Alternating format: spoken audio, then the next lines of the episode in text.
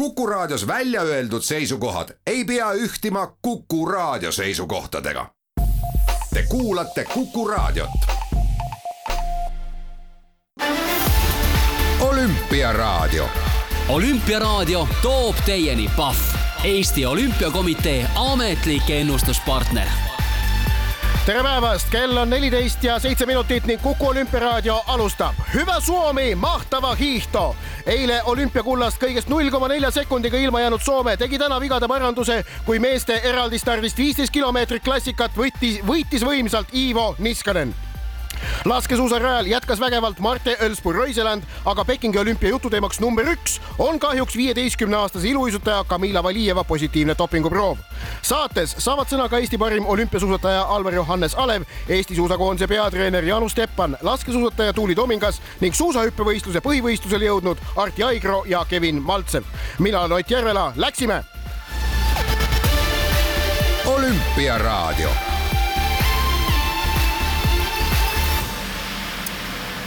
ja alustame olümpiaraadiot otse loomulikult juttudega suusatamisest, sellepärast et meeste viieteistkümne kilomeetri eraldistardist distants täna hommikul Pekingis, ma usun, kõigi Eesti spordisõprade fookuses oli. Kertu Niskanen, Ivo Niskanenist neli aastat vanem õde jäi eile mäletatavasti olümpiakullast ilma null koma nelja sekundiga ehk et kümme kilomeetrit tema ja Therese Juhaug suusatasid ning lõpuks null koma neli sekundit neid lahutas niimoodi, et Juhaug oli ees ja Niskanen sai hõbeda. Niskanenide perekonnas on täna tuju hoopis-hoopis rõõmsam, sellepärast et meeste võistlusel eraldi startklassikast äh, distants viisteist kilomeetrit, mitte kümme nagu naistel. Ivo Niskanen midagi juhuse hooleks ei jätnud.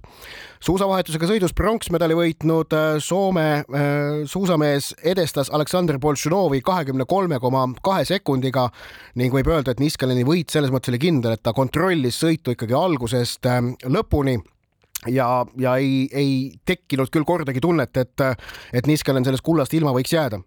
Äh, aeglaselt alustanud Johannes Hösford Kläbo võitis lõpuks äh, pronksmedali, aga kuulame nüüd, mida ütles Ivo Niskanen, äh, kes on nüüd juba siis kolmekordne olümpiavõitja, võitis ta ju PyeongChangis viiekümne kilomeetri ühistardist sõidu ning oli kaks tuhat neliteist Sotšis parim sprindi teates. mida ütles Ivo Niskanen pärast finišit olümpiavõitjana Timo Tarvele? Onnittelut Iivo, kolmas kulta olympiakisasta, vaikuttava suoritus. Mitä voit sanoa kilpailusta, mikä oli sinun taktiikka? Kiitos, kyllä tämä perinteisen 15 väliaikalla on aina sopinut mulle hyvin ja hiatlonin jälkeen tiesin, että on siinä kunnossa, missä haluan olla näissä kisoissa. Ja saatiin suksi toimivaksi loistavasti, toiminut huolto täällä, niin se auttaa asiaa ja kisat on mennyt menestyksekkäästi meidän joukkueelta jo tähän asti, että keli pysyy stabiilina, niin oli ilo päästä ladulle toimivilla suksilla ja tuotta, en mä tiedä, tätä on odottanut aika kauan, että ei uskaltanut oikein iloita edes siitä skiathlonin pronssista vielä, koska tämä on ollut niin iso maali mulle tässä pitkän aikaa. 15 kilomeetrit klassikat eraldistardist on mulle alati hästi sobinud. suusavahetusega sõit näitas, et vorm on see, mis ta peab olümpiamängudel olema. Määrimine õnnestus ja suusad toimisid hiilgavalt meie hooldetiim ongi Pekingis väga head tööd teinud ja tervel murdmaa koondisel on olümpia seni igati edukalt läinud. võistlustress on püsinud stabiilsena ja oli puhas rõõm toimivate suuskadega rajale pääseda ootasin seda võistlust pikisilmi ega julgenud suusavahetusega sõidus saavutatud pronksmedali üle korralikult rõõmustada, sest just see viisteist kilomeetrit klassikat oli mu põhieesmärk olümpiamängudel. Pekingi taliolümpial suusavahetusega sõidus võimsalt kulla võitnud Aleksandr Boltšunov kaotas täna finišis Niskanenile kahekümne kolme koma kahe sekundiga ja pälvis hõbemedali. Pronksmedali võitis tagasihoidlikult alustanud, aga distantsi edenedes üha paremini liikuma hakanud Johannes Hösford Kläbo suusavahetusega sõidus kolmekümne kolmanda koha saavutanud Alvar Johannes Alev oli täna kolmekümne viienda kohaga Eesti koondise selgelt parim mees. aga pärast finišit Timo Tarvele antud intervjuus ta tulemusega rahule ei jäänud, vaid väljendas selget pettumust.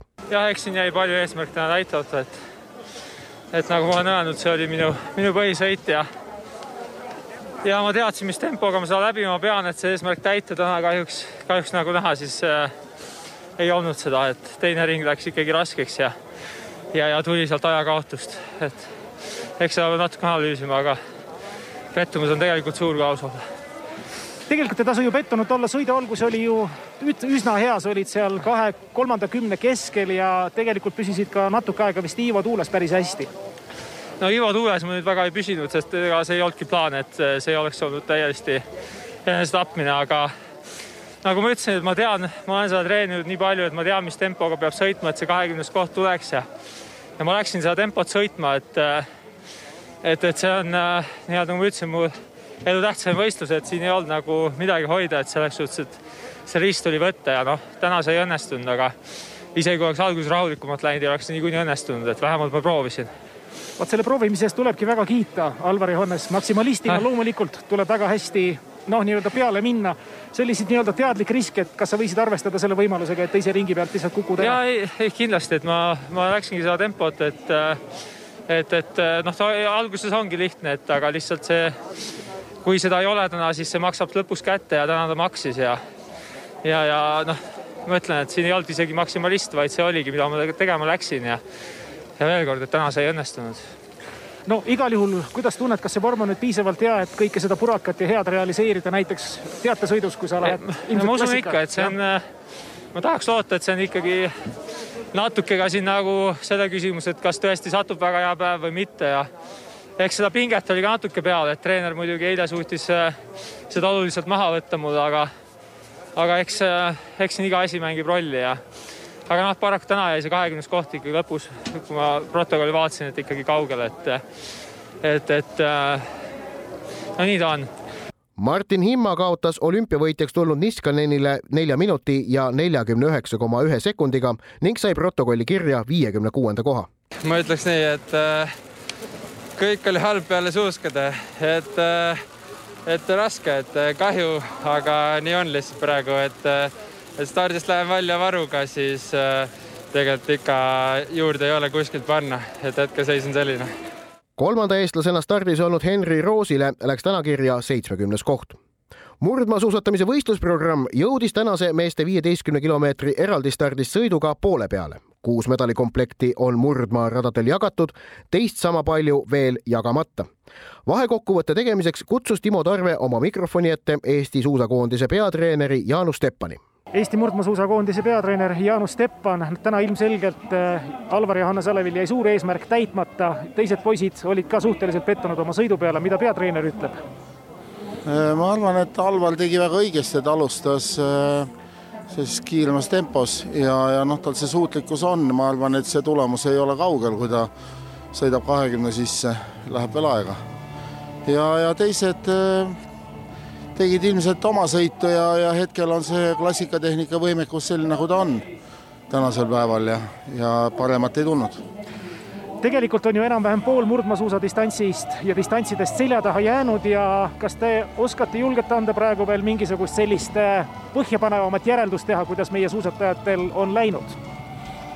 no laias laastus rahuldavalt, et kindlasti ootasime võib-olla selliseid äh, sähvakaid mida ei tulnud, et kolmekümne sisse tulemust oleks nagu oodanud, aga, aga ei saa öelda, et ka nüüd väga oleks põrunud selles mõttes, et hetkeseis on selline no mis puudutab pikka teadet, seal väga kombineerimist ei ole või kui, siis natuke, kes mida sõitma läheb, aga mis puudutab nüüd sprindi koosseise, kuidas seal? jah, siin on need pikkade nende teadetega on see, et nagu te näete siia lõunataevasse on juba pilved tulnud, et homme lubab sellist kerget lumesadu ja ülehomme siis natukese tugevamat. ja aga ega see meie nagu ütleme, seda koosseisu ei muuda, et pigem on selline võib-olla võistkondlikud taktikad ja ja võib-olla teeb selle teatesõidu võib-olla põnevamaks, et kõik sõidavad koos, mine tea hetkel, kui me räägime kebautasustamine, Ivo Niskanen saab kohe kaela kolmanda olümpiakulla. kas tema võit oli täna aimatav või aimasite, et Boltšanovist on ikka vastast ka? no see oli selline nii ja naa, et eh, kas siis Ivo või, või siis eh, Boltšanov, aga, aga ikkagi Ivo pani oma jõu maksama. vahetame teemat ja siirdume laskesuusatamise juurde, kus täna oli kavas naiste sprindivõistlus. segateates kulla ja tavadistantsil pronksi võitnud norralanna Marte Olspu-Roiseland võitis Pekingist oma kolmanda olümpiamedali medali, kui läbis lasketiirud puhtalt ja edestas Pekingis Rootsi laskesuusakoondise medaliarve avanud Elvira Öbergi lõpuks koguni kolmekümne koma üheksa sekundiga. pronksi võitis itaallanna Dorothea Viirer tavadistantsil kahvatult esinenud Eesti naiskond oli täna paremas hoos. Tuuli Toomingas teenis küll tiirudes kaks trahvi, aga saavutas ikkagi kolmekümne kolmanda koha. kahju nende laskude pärast, et sõidutunne oli okei okay. Ja hooldetiim oli ka teinud super head tööd, et suusk oli täna väga hea. et äh, sihuke kahjuks ei ole midagi erilist korda saatnud siiamaani sellel hooajal üldse, et äh, tiksun seal oma kolmekümnendate, neljakümnendate kohtade juures pidevalt no midagi positiivset ka leidsid, vähemalt üks on selge, et jälitussõitu pääsesid, mis oli meil ikkagi kõva eesmärk ja loodame, et kõik neli tüdrukut saavad sinna. aga kui sa võrdled nüüd segateatevõistluse ja võrdled nüüd ka viieteistkümne kilomeetriga, kuidas see enesetunne nüüd nendega võrreldes on? oi, kõvasti parem, et keha hakkab selle olukorraga siin harjuma nii kõrguse kui selle temperatuuriga et sõidutunne on kõvasti meeldivam. pühapäevasesse jälitussõitu pääsesid ka ülejäänud Eesti naised. Johanna Talihärm sai neljakümne kolmanda, Susan Külm neljakümne neljanda ja Regina Oja viiekümne kuuenda koha. Marko Kaljuveer palus võistluse kokku võtta Eesti koondise teisel treeneril Danil Steptšenkol. miinimumeesmärk sai täidetud, aga rahule ikkagi ei jää, sest täna ole, oleme võimelised ikka rohkemat teha. selles mõttes ikkagi noh midagi jäi veel puudu äh,? laskmises pigem natuke, võib-olla seda laskmisdistsipliini jäi puudu, et ikkagi viis lasku sarnaselt ja kontsentreeritult teha, võib-olla sellega, selle, selle just distsipliini taga läks natuke ja tuul kergelt oli, osadel mõjutas natuke, aga mitte nii oluliselt nagu eelmised sõidud. ehk tuule poole peast, poole pealt ikkagi kõige parem olukord oli täna püsi Kuku raadioga olümpialainel. olümpiaraadio. olümpiaraadio toob teieni Pahv, Eesti Olümpiakomitee ametlik ennustuspartner olümpiaraadio jätkab ning püsime juttudega laskesuusatamise lainel ning suur rõõm on Kuku olümpiaraadio stuudios tervitada eh, Eesti Rahvusringhäälingu laskesuusaeksperti, kommentaatorit eh, Alvar Tiislerit. ja aitäh kutsumast ja aitäh selle kohvi eest ka. ja seda, seda saab ikka, eh, olümpiamäng ilma kohvita spordiajakirjanikud teatavasti vastu ei pea, mõningaid muid nüansse on ka veel, on ka veel vaja. Alvar, aga sul on, ma saan aru, töö juurest nagu praegu puhkus isegi täitsa, et olümpiamängud ajaks võetud, et kuidas, ma küsin esmalt enne kui laskesuusatamise jutu juurde minna, et kas kas nagu äh, olümpiamängude niisama vaatamine pakub see mingit naudingut ka, kui, kui tööd ei pea tegema sellega seoses? ja mul ikkagi selle puhkuseni natuke läheb aega, aga põhimõtteliselt ka see puhkus nagu selles mõttes on olemas, et nagu me teame, siis me praegu laskesuusatamise ülekandeid ei tee yeah., mis tähendab seda, et noh, ikkagi aega on oluliselt rohkem ja, ja, ja lihtsalt ka vaadata ja, ja oma asjadega tegeleda. et äh, kui sa küsid aja mõttes, siis seda aega olümpiat vaadata on mul küll, aga ma nagu ei ole väga tahtnud oma unetunde loovutada veel siiamaani, aga need asjad, mis algavad ikkagi hommikul mõistlikul ajal, olen ära vaadanud ja on, on väga tore. mis laskesuusatamise ülekannete äh, puhul, mis sul nagu senised äh, maasikad on olnud sportlaste soorituste mõttes, et, et kas see nagu kogu see dünaamika ja võistlus, nüüd kui sa vaatajana näed seda, mitte äh, reporterina, kas see nagu paneb endiselt silma särama? jaa, absoluutselt, selles mõttes ikkagi diivanil vaadata, minu meelest on seda veel nauditavam lõpuks, kui ise mõnikord teha, et sa saad vähemalt rahus olla, vaadata ja ja seda kõike noh, ikkagi ka vaadata mingi teistsuguse pilguga, mis ei puuduta seda, et su ees on mitu ekraani või et sa pead tegelema millegi konkreetse otsimisega. et lihtsalt niisama nautida on äh, minu meelest sport jube äge ja noh, ma ise usun, et sa ise ka ju tead seda, et töölt nii-öelda väljaspool vaadata sporti minu meelest ongi väga tore, kui ise ei pea nagu tööga kuidagi sinna panustama. tänast naiste sprinti vaatasid? vaatasin Marte Öis-, Marte Ölspuu Röiseland paistab, et on tõusmas nende olümpiamängude, vähemalt naislaskesuusatajate selleks number üheks ikkagi, et ta segateatesõidus tegi hea soorituse ja võitis kuldmedali võistkonnaga tavadistantsil pronks ja täna ikkagi väga võimsa sõiduga kin-, noh, võiks äkki isegi öelda soolosõiduga kuld. mille pealt ta, ta niivõrd hea on praegu? Üldse on väga kihvt see, et äh, erinevalt äh, eelmistest olümpiamängudest, nendel olümpiamängudel on parimad need, kes on olnud ka maailmakarikasarja lõikes tänavu väga head, ehk siis Mart Olds-Brüiseland, maailmakarikasarja üldliider Quentin Fillon-Maillet, maailmakarikasarja üldliider ja kõik need, kes on ka muidu olnud head, et meil on eelmistel olümpiadel hästi palju olnud seda loteriid selles osas, kes lõpuks saavad medaleid, et see on läinud natukene loogilisemasse kohta. nii et äh, kui Röiselandi personaalküsimuse juurde tagasi tulla, ta ongi, no ütleme, ta on selle enesekindluse sai kätte ikkagi nende maailmakarika etappide pealt, kus ta oli nii hea, siis super ettevalmistus nagu üksinda teistsuguse lähenemisega natuke nagu kogu Norra koondis ja lihtsalt ta on väga küps sportlane tänu sellele, kus ta elus on läbi tulnud. ta oli väga pikka aega ju, ärme unusta seda ära, teise ešeloni sõitja Norra koondises, kahekümne kuue aastaselt hakkas alles maailmakarikasarjas sõitma, enne seda mitmeid aastaid. nii et ta on kõik need protsessid läbi käinud ja ma arvan, et see võib teda teha väga tugevaks, rääkima sellest, et ongi lihtsalt noh, sa vaatad juba, kuidas see relv nii-öelda seisab käes ja saad aru, et noh, see ongi nii kontrolli all. ja arvestad seda, et tal on nüüd äh, ülehomseks jälitussõiduks kolmkümmend üks sekundit edu Elvira Ööbergi ees, kes ka täna laskis puhtalt ehk ta edestaski puhta sõiduga kolmkümmend üks sekundit seitsme poole kilomeetri peale Ööbergi, siis no Röiselandi šansid jälitussõidus peavad olema väga kõrged. ja, ja siin noh, võibki vabalt juhtuda, et võtab igal pool, et äh, seejuures, kui tänast pjedestali üldse vaadata, siis see on väga sümboolne ja ilus selles mõttes, et Röiselandil oli su esimene olümpia individuaalne kuld. Äh, Elvira Ööberi, kes noh, tõenäoliselt tõuseb järgmistel aastatel naiste laskesuusatamise valitsejaks, saab oma elu esimese tiitlivõistluste suure medali ja Dorothea Viirer no saab nagu... lõpuks kätte individuaalse medali olümpialt. ta võibki nüüd minna ja sinna Antolsisse jääda ja oma asju hakata tegema, sest ma noh, ma arvan, et see on piisav selleks, et ta teab, millal lõpetada karjääri, mul on nii hea meel selle. mul on tunne, et Dorothea Viirer on natuke selline talisportlane nagu kunagi oli näiteks Trondeiner Elden või siis, või siis ka Frode Esti Eestil, et ta meeldib kõigile ja ta meeldib kõigile ja ma tahaks ka kuulajatele öelda seda, et kui teile sageli jääb mulje Dorothea Viirerist kui sellisest noh, ütleme siis äh, naisterahvast, kes naudib mingit tähelepanu ja kes on selline glamuurne ja nii edasi, siis ta ei ole seda absoluutselt, ta on väga kihvt, tore ja emotsioonidega naisterahvas. sa esmalt e, ütlesid, et üllatusi tegelikult väga pole olnud, aga Deniise Hermanni kuld tavadistantsil ikkagi ei, oli üllatus. minu jaoks ei olnud üllatus, just selles mõttes, et äh, Deniise Hermann on ka üks nendest noh, ütleme kogenud sportlastest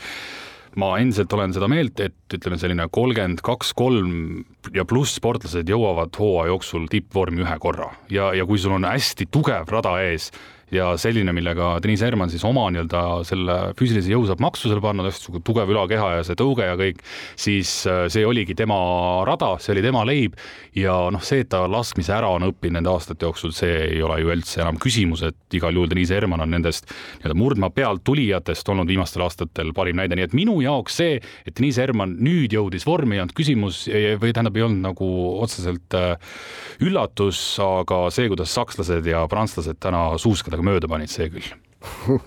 Äh, prantslastel on homme järgmine võimalus suuskadega mööda panna või siis mitte, aga noh, Quentin Fillon-Maillet on on ühe kulla siit juba saanud, kas ta läheb homme soosikuna rajale sinu silmis? ja kindlasti, et äh, ikkagi see sõiduvorm on praegu nii pöörane ja jälle seesama, mis Röiselandil ka, sa nagu näed, et seal ei ole muret, kui ta laseb, see relv seisab ja hea küll, seal ju individuaalis ka tuli tegelikult kaks trahvi, aga nende sõidukiiruste juures rajal, kus äh, hea küll, täna oli nüüd natuke kiirem rada, aga ikkagi rada, mis on just nimelt aeglane ja see funktsioon kõik toimib tal nagu väga hästi, nii et igal juhul minu jaoks homme kõige suurem favoriit. aga see, et Filon Maie nüüd olümpiaks niivõrd heas hoos on, vaata viimane MK Andersolas läks tal ju aia taha vist oli kaheksas ja kahekümnes koht, et, et noh, MK-sarja üldliider küll, aga viimased võistlused enne olümpiat läksid aia taha nagu näha, siis mis seal vahet on.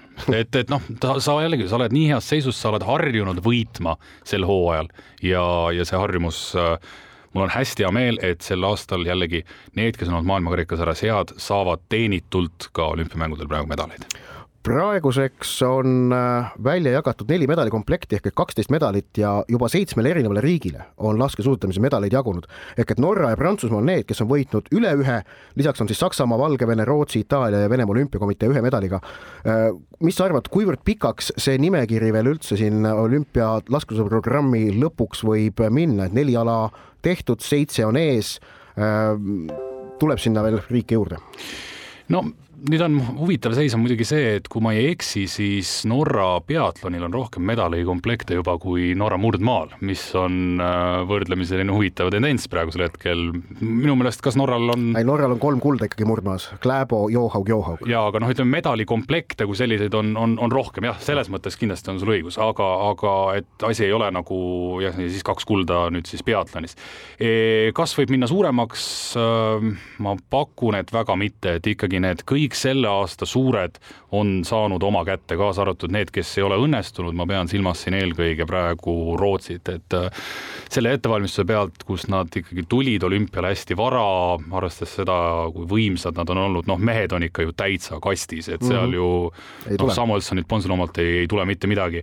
Äh, Itaalia nüüd sai ühe kätte, et sealt ka nagu ei ole enam oodata, nii et ma pigem arvan, kui kuskilt tuleb, siis see võiks nüüd äkki olla Hauser, et, et Austria saaks ka näiteks oma medali kätte, aga noh, sprint on nii selline noh, ikkagi vähe üllatusi pakkuv distants, et homme ka meeste puhul noh, leida nüüd kedagi, mingit riiki, kes ei oleks veel saanud ja siis sinna mingit sportlast nagu kõrvutada, hästi keeruline, võib-olla ma ei tea, Pidrutšni teeb üllatuse või no pigem tulevad need üllatused vist on ju ikkagi jälitussõidus või äkki isegi ühistardis? pigem, pigem ikkagi nelja tiiruga sõidus jah, et sprindis üldjuhul üllatusi noh, ei sünni ja, ja me nägime seda ka täna räägime natukene ka Eesti koondise esitustest. segateatesõit ning tavadistantsid, noh, lühidalt öeldes läksid aia taha, aga tänane naiste sprint oli juba mõnevõrra rõõmsam, et kõik neli naist ikkagi jälitussõidus ja ja minu jaoks oli eriti sümpaatne Susan Külma neljakümne neljas koht, kes on ju selle koondise kõige vähem kogenud liige ja, ja lisaks veel ka see, et ta Pekingis mõned päevad pidi selles isolatsioonihotellis olema, selle pealt tulla neljakümne neljas koht, see nagu tundub tubli ja, ja just nimelt arvestades seda seisu, kus ta tuli ja eriti arvestades seda, kui tugevalt ta sõitis viimast ringi, et ta küll ise ütles, et ta küll ise ütles, et äh, noh, et ta ei jaksanud viimane ring, aga ta ikkagi punnitas väga võimsalt ennast sinna või noh, tugevalt oma taseme kohta välja sinna neljakümne neljandale kohale. nüüd on küsimus selles, et äh, ja minu jaoks igavene probleem äh, meie koondisega laskesuusatamises, et kui tänasel päeval lõpetab Moldova esindaja Alina Stremous kümnendal kohal kahe nulliga, et äh, mulle väga sageli tundub, et me ikkagi ei kasuta ära neid võimalusi, kui meile seda pakutakse. Tuuli ju sõitis täna hästi, see oli minut viis, minut kuus oli sõidus, millega sa oled mängus sees. Stremous sõitis aga, umbes aga, sama kiiresti. aga kaks, kaks trahvi ja, ja, ja kolmekümne kolmas. aga see on see laskesuusatamise võlu, et kui täna oleks lasknud nulliga ja see sõit ju täitsa oli oleksin täna võinud rünnata ka kohta esikümnes. ja, ja noh, meie nagu väga harva kasutame ära selle võimaluse, et nüüd naiste teade oli seal ruupoldingus, kus tõesti olidki maailma suured ja siis meie ja me võtsime selle nagu ära see, et me oleme neljakesi jälituses, minu meelest vist teist korda, ma olen kindel, et me oleme jõudnud kõigi sportlastega vähemalt ühe korra küll jälitusse kusagil maailmakarika etapil, on kindlasti hea näitaja. see, et need vahed on suured, see juba sõltus Röiselandist, kes noh, sõitis platsi puhtaks, see on juba selle tõttu. aga noh, ikkagi nagu tahaks rohkemat ja, ja, ja Tuuli puhul ka, et noh, ta ise ka ütleb, et see, see ei ole enam see, et sa võid küll olla, ütleme, maailmakarika seal punktil või kahekümne viies, aga see mingi hetk enam ei rahulda sind, sest sa tahad saada rohkemat ja, ja sa tunned, et sa oled nagu võimeline enamaks. noh, see, et Johanna sõitis ennast neljakümne kolmandaks, noh, ma jah, ta tõenäoliselt võttis maksimum, mis võtta andis ja see, et ta on jälituses, on hästi ja, ja see, et ka Regina on jälituses, on ka hästi, aga mida see kindlasti annab täna, on see, et me ikkagi midagi sellest naiste teatesõidust nagu võiks loota, et kui meil on neli naist praegusel hetkel jälituses, nüüd kõik saavad starte ka veel alla, noh, tundub, et läheb nagu paremaks ka, aga just selle enesekindluse mõttes, et, et kõik, et noh, kõik ei ole nüüd pahasti. et siin ikkagi täna meist selja taha jäi väga suur hulk sportlasi, eriti kui arvestada seda, et olümpiakvalifikatsioon laskesuusatamisse ongi noh, ütleme suusaaladest kõige keerulisem, sest seal on juba väga tugev sõel nagu ära tehtud. et selles mõttes just nimelt eelkõige selles mõttes on see oluline naiste teateks, et me saame aru, et me saame küll ja, ja, ja saame hakkama ja oleme võimeline, võimelised ka noh, mingisuguseks eduks, mitte see, et me oleks täna siin keegi jälitusest välja jäänud aitäh sulle, Alvar, nende laskesuusajuttude eest. olümpiaraadio teeb väikese pausi ning tuleme siis tagasi, et rääkida Kamila Valijeva juhtumist püsi Kuku Raadioga olümpialainel. olümpiaraadio. olümpiaraadio toob teieni Pahv, Eesti Olümpiakomitee ametlik ennustuspartner.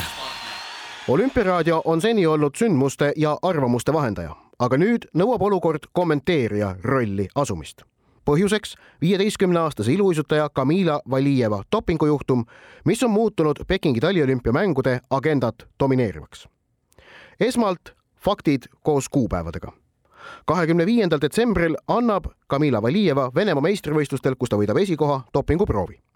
viieteistkümnendal jaanuaril tuleb ta Tallinnas Euroopa meistriks seitsmendal veebruaril sooritab Valijeva esimese naisena olümpiamängude ajaloos neljakordsed hüpped ning Venemaa olümpiakomitee võistkond, mille koosseisu ta kuulub, võidab võistkonnavõistluse kaheksandal veebruaril teatab Rootsi dopingulaboratoorium, et kahekümne viiendal detsembril võetud proov on positiivne trimetasidiini suhtes, mille peale määrab Venemaa antidoping Valijevale automaatselt esialgse võistluskeelu kaheksanda veebruari õhtul Pekingis toimuma pidanud võistkonnavõistluse auhinnatseremoonia lükatakse edasi.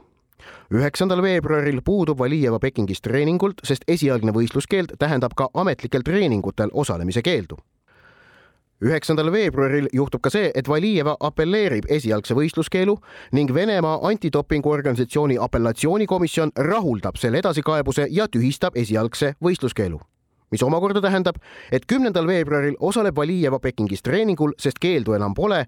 küsimustele, mida ajakirjanikud temalt pärast treeningut küsida soovivad, ta ei vasta. üheteistkümnendal veebruaril ehk täna hommikul teatab Rahvusvahelist Olümpiakomiteed kõigisse dopingusse puutuvates küsimustes esindav sõltumatu agentuur ITA ehk International Testing Agency, et kaebab esialgse võistluskeelu tühistamise edasi rahvusvahelisse spordikohtusse ehk TSAS-i ning ootab sealt otsust enne naiste üksiksõidu algust ehk viieteistkümnendat veebruari. see oli faktide kronoloogia, nüüd aga mõned killud konteksti esiteks, kui rahvusvaheline spordikohus ennistab Kamila Valijeva esialgse võistluskeelu, mis jätab ta kõrvale naiste üksiksõidust, ei tähenda see automaatselt, et Venemaa olümpiakomitee võistkond jääks ilma iluuisutamise võistkonnavõistluse kuldmedalist, vaid see nõuaks eraldi otsust rahvusvaheliselt olümpiakomiteelt, mille nad muidugi kõigi eelduste kohaselt teevad selle otsuse saaks aga Venemaa Olümpiakomitee omakorda rahvusvahelisse spordikohtusse kaevata ning ei tasu arvata, et nad seda ei teeks. teiseks Venemaalt on juhtumiga seoses ettearvataval moel paisatud eetrisse suur hunnik hägu näiteks öeldakse, et Valijeva kõik ülejäänud proovid nii enne kui ka pärast kahekümne viiendat detsembrit on olnud negatiivsed. see pole tegelikult üldse tähtis, sest ka sada negatiivset proovi ei tühista ühte positiivset samuti väidetakse, et kahekümne viienda detsembri proov ei puuduta kuidagi olümpiavõistlusi, mis ei pea samuti paika, sest kui Valijeva positiivne dopinguproov kinnitust saab, tühistatakse kõik tema tulemused alates proovi võtmise päevast kuni võistluskeelu lõpuni kolmandaks, esimesena juhtumist kirjutanud rahvusvahelise spordiuudiste portaali Inside the Games ajakirjanikud on Pekingis langenud Venemaa kolleegide, kuigi noh, tegelikult äh, ei saa nii öelda, sest Venemaa teleajakirjanikud on enamasti pigem ikkagi propagandatöötajad kui ajakirjanikud, ahistava käitumise ja rünnakute alla. neljandaks kuna Kamila Valijeva on viieteistkümne aastane, siis ei oota teda dopingu tarvitamises süüdimõistmisel kuigi pikk võistluskeeld. kui ta oleks kuueteistkümne aastane, oleks karistus karmim. aga on väga-väga vähetõenäoline, et see karistus ei hõlmaks Pekingi olümpiamänge. et nii juhtuks, ei tohiks võistluskeeld ületada neljakümmet päeva, mis lahutab kahekümne viiendal detsembril võetud proovi ja võistkonnavõistluse algust. viiendaks kui Kamila Valijeva süü saab kinnitust, juhtub ilmselt nii, et Venemaa olümpiakomitee võistkond jääb ilma Pekingi võistkonnavõistluse kuldmedalist ning lisaks jääb Valijeva ilma ka viieteistkümnendal jaanuaril Tallinnas võidetud Euroopa meistritiitlist. kuuendaks, küsimusi on tekitanud, miks laekus kahekümne viiendal detsembril võetud dopinguproovi vastus alles kaheksandal veebruaril ehk nelikümmend viis päeva hiljem meenutades näiteks Heiki Nabi dopingujuhtumit, siis kuuendal jaanuaril võetud proovist sai sportlane teada seitsmeteistkümnendal veebruaril ehk nelikümmend kaks päeva hiljem. seega ei tundu Valijeva proovi ooteaeg midagi tohutult erakordset tõsi, teine tera on olümpiamängude käigus võetud dopinguproovid, mida tõesti analüüsitakse kohapeal ja hoopis kiiremini. seitsmendaks, ilmselt on Kamila Valijeva antud juhtumis ohver aga see ei vabasta teda vastutusest, sest kõigil tema rivaalidel on õigus võistelda ausas ja dopinguvabas konkurentsis. ka viieteistkümneaastane sportlane vastutab enda organismis leiduvate ainete eest. muud moodi poleks dopinguvastane võitlus võimalik. lõpetuseks aga siinkõneleja arvamus. jälle Venemaa, jälle doping. tegemist on mõtteviisist tuleneva retsidivismiga, mis vähkkasvajana hävitab maailma tippspordi mainet ja usaldusväärsust Nad peavad seoses riikliku dopingusüsteemi rakendamisega kolmandat olümpiat järjest võistlema olümpiarõngastega, mitte riigi lipu all. aga kasu ei ole sellest mitte midagi. Venemaa täielik ja tingimusteta eemaldamine rahvusvahelisest spordielust on praeguses olukorras põhjendatud. jah, kannataksid ka puhtad Venemaa sportlased, aga praegu on kannatajaid väga palju rohkem sest pidevad dopingurikkumised kõige kõrgemal tasemel tähendavad, et mitte ükski Venemaa sportlase vastu võistlev atleet ei saa kindel olla, et tema tehtud töö ja nähtud vaev saavad proovile pandud ausas ja õiglases konkurentsis. olümpiaraadio olümpiaraadio jätkab ja räägime täna selgunud olümpiavõitjatest. kiiruisutamise meeste kümne tuhande meetri distantsi võitis ka poole lühemal maal triumfeerinud rootslane Nils van der Pööl maailmarekordilise ajaga kaksteist minutit ja kolmkümmend koma seitsekümmend neli sekundit. meeste lumelaua rennisõidus võitis kuldmedali jaapanlane Ayumu Hirano, kolmekordne selle ala olümpiavõitja Sean White pidi leppima neljanda kohaga. mäesuusatamises oli kavas naiste ülisuurslaalom ja olümpiavõitjaks tuli Šveitsi esindaja Lara Kutt-Berrami nüüd aga suusahüpetest. Suuremäe kvalifikatsioonivõistlusel saavutas Arti Aigro kolmekümne esimese ja Kevin Maltsev neljakümne esimese koha. mõlemad mehed tagasid koha homsel põhivõistlusel. Eesti suusahüppajatega rääkis Timo Tõrve. Arti Aigro pärast hüpet võttis siia tulek natukene aega, pärast hüpet võeti kontrolli, kas kõik on korras? kõik on korras nagu Norras, jah. suurepärane. hüppe pikkus oli sada seitseteist meetrit ja oled kohe kindel põhivõistluse mees, sada kaks punkti. kuidas ise hüppega rahule jäid?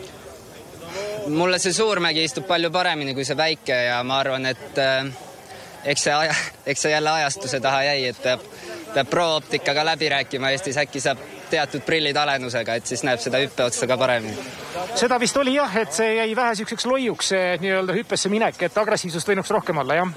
ja täpselt nii, jah aga kuidas see suur mägi nüüd on siis istunud treeningutel, ma vaatan, on tegelikult päris ilusad pikad hüpped kätte saadud, sada kakskümmend neli ja enam.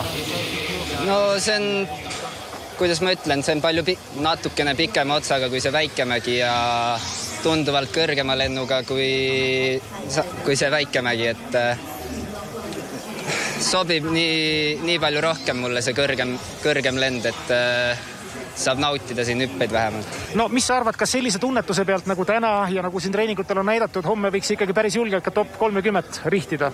kindlasti, et eesmärk on homme kõik hüpped kaasa teha ja ja teha need väiksed parandused, mis täna tegemata jäid ja, ja vaatame, kuidas läheb. kuidas see parandus nii-öelda käib ja see väike timmimine ja kuidas see nii-öelda agressiivsem loom kätte saada varem peab liikuma saa-, saama hüppe otsa pealt, ega seal muud midagi ei ole. kas see on niisugune tunnetuse küsimus või ikkagi harjutatav asi, mis peaks olema ka lihasmälus? no tegelikult see peaks ikka lihase sees olema, et automaatselt tulema, aga võistlu-, võistlusel kindlasti närv tuleb sisse, siis, siis jääb see hüppepikkus natukene lühemaks kui tavaliselt mul mida rohkem hüppeid sellel mäel, seda paremini sul tundub minema, et, et oled sa sellega nõus? ma arvan küll, jah. Kevin Maltsev, sada kolmteist meetrit, üheksakümmend neli punkti, maandudes oli juba selge, et oled kindel kvalifitseeruja, mitte et selles oleks keegi kahelnud, aga oluliselt parem hüpe kui nüüd proovivoorus, mis sa ise ütled? ei ole saanud selle kahe treeniga ja siis tänase kvalifikatsiooniga nüüd nagu mäega sina peale, et sihuke, ta on risti vastune väiksem mäega kuigi ta on nii-öelda mu kodumäega plaanitsega on suhteliselt samasugune, aga aga kuidagi ei saa seda klappi mäega, et sihuke igatepidi vildakas, sihuke poolik on kõik nii-öelda. olümpiaraadio Pekingi jäähokiturniiril on tänaseks äh, täna lõppenud kolm kohtumist. Rootsi alistas Slovakkia neli-üks, Tšehhi oli karistusviidete seerias kaks-üks parem Šveitsist ning Venemaa olümpiakomitee kaks-null parem Taanist. Eh, kell viisteist kümme algab eh, matš Läti ja Soome, mida näitab otseülekandes eh, telekanal Duo viis. aga vaatame ka homsesse päeva, mis homme Pekingi sees ootab ning Eesti vaatevinklist on tegu homme rekordipäevaga, sellepärast et stardis on koguni üksteist Eesti sportlast. esmalt lähevad stardikanga alla murdmaasuusatajad, sellepärast et naiste teatesõidu otseülekanne algab Kanal kahes kell üheksa kolmkümmend. Eesti teaternelikus Keidi Kaasiku, Kaidi Kaasiku, Aveli Uustalu, Mariel Merli Pulles. kanal kaks kaks jätkab kell kümme nelikümmend viis laskesuusatamisega, kus on kavas meeste sprint, Rene Tsahkna, Kalev Ermits, Kristo Siimer, Raido Ränkel seal stardis on. Täpselt samal ajal kui meeste laskesuusavõistlus on, toimub ka kiiruisuhallis meeste viiesaja meetri võistlus, kus siis Martin Liiv teeb oma esimese stardi nendel olümpiamängudel, tema põhidistants tuhat meetrit on kavas järgmise nädala lõpus. Ning kell kaksteist viiskümmend alustab Duo viis otseülekandega suusahüppemäelt, kus on siis meeste Suuremäe hüppevõistlus kavas ning jäähokit näitab näidatakse ka homme samuti Duo viies kell kolm Venemaa ja Tšehhi mäng. See on puhas hokiklassika. Ning Kanal kahes hommikul kell kuus samuti puhas hokiklassikaga vastamisi lähevad Kanada ja USA. Pekingi olümpiamedalitabelit juhib praegu Norra, kellele järgnevad Saksamaa, Rootsi, Austria ja Ameerika Ühendriigid nii palju tänaseks olümpiajutte, saate lõpetuseks rokib Lordi samamoodi nagu Ivo Niskanen täna Murdmaa rajal. järgmine Olümpiaraadio Kuku otse-eetris laupäeval kell viisteist